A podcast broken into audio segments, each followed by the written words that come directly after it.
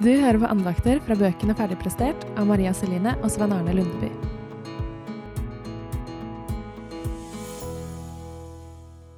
Verdifull. Etter å ha skapt en helt perfekt jordklode, med lys og land og vann og blomster og dyr og alt det vi trenger, skapte Gud mennesket. Prikken over i-en, toppen av kransekaka, rosinen i pølsa, det er du, det.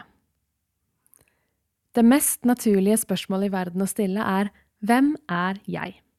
Alle mennesker gjør det. Vi trenger forklaringer, vi trenger å bli sett, få bekreftelse på at det vi gjør er bra, høre at vi betyr noe for noen, at noen er glad i oss. Vi trenger at noen har et godt svar på spørsmålet Hvem er jeg?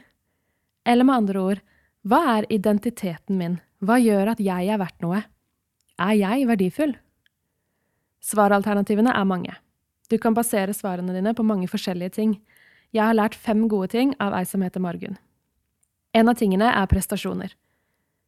Jeg betyr noe fordi jeg får best karakterer i klassen, er leder i elevrådet og er dritgod i fotball. Det andre alternativet er eiendeler. Jeg har verdi fordi jeg har riktige klær.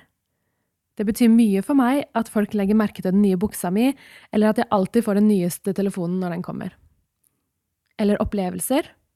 Jeg ble sett fordi jeg alltid kan fortelle om noe nytt jeg har gjort, et nytt land jeg har vært i, festen jeg var på i går. Eller vi kan se på relasjoner. Jeg betyr noe fordi jeg henger med de mest populære folka på skolen. Jeg er i den rette gjengen, og hvis jeg ikke hadde vært det, da hadde jeg følt meg som en taper. Den femte tingen vi kan se på, er utseendet. Jeg har verdi fordi kroppen min er veltrent, og fordi jeg til enhver tid ser så bra ut som mulig. Hvordan sjekker du om du er bra nok? Jeg har lyst til å si til deg at du er så mye mer enn det du presterer, og det du eier, og det du opplever. Du er så mye mer enn hvordan du ser ut, og hvilke venner du har. Hvem er du hvis du tar bort alt det, da? Alt det som du pynter fasaden med? Hvem er du uten venner, uten de rette klærne, uten penger, opplevelser og gode karakterer. Hvis du hadde sittet i samme sofa som meg nå, så ville du kanskje spurt Hvem er du til å fortelle meg hvem jeg er? Og da kunne jeg for eksempel svart Jeg tror at Gud har skapt verden, og at Gud har skapt deg og meg.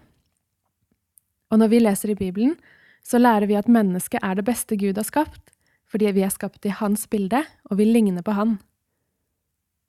Gjennom hele Bibelen så viser Gud at han elsker menneskene.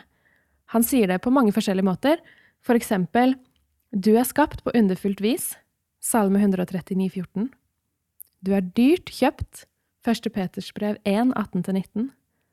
Han elsker deg med en evig kjærlighet, Jeremia 31, 3. og han jubler over deg, Stefania 3, 17.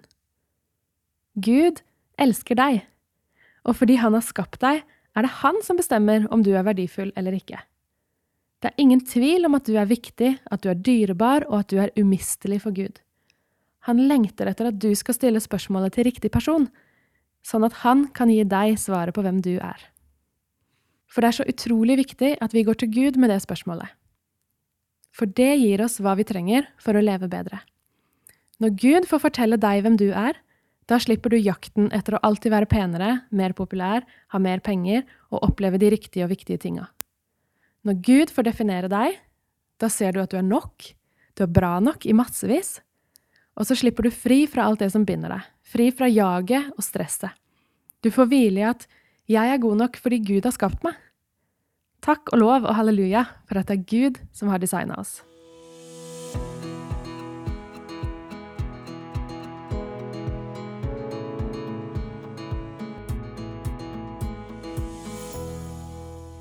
Hvis du ønsker å reflektere mer rundt det du har hørt på nå, eller du vil lese bibeltekster som passer godt til tematikken, da finner du det i andagsbøkene Ferdigprestert, som er utgitt på Lunde forlag.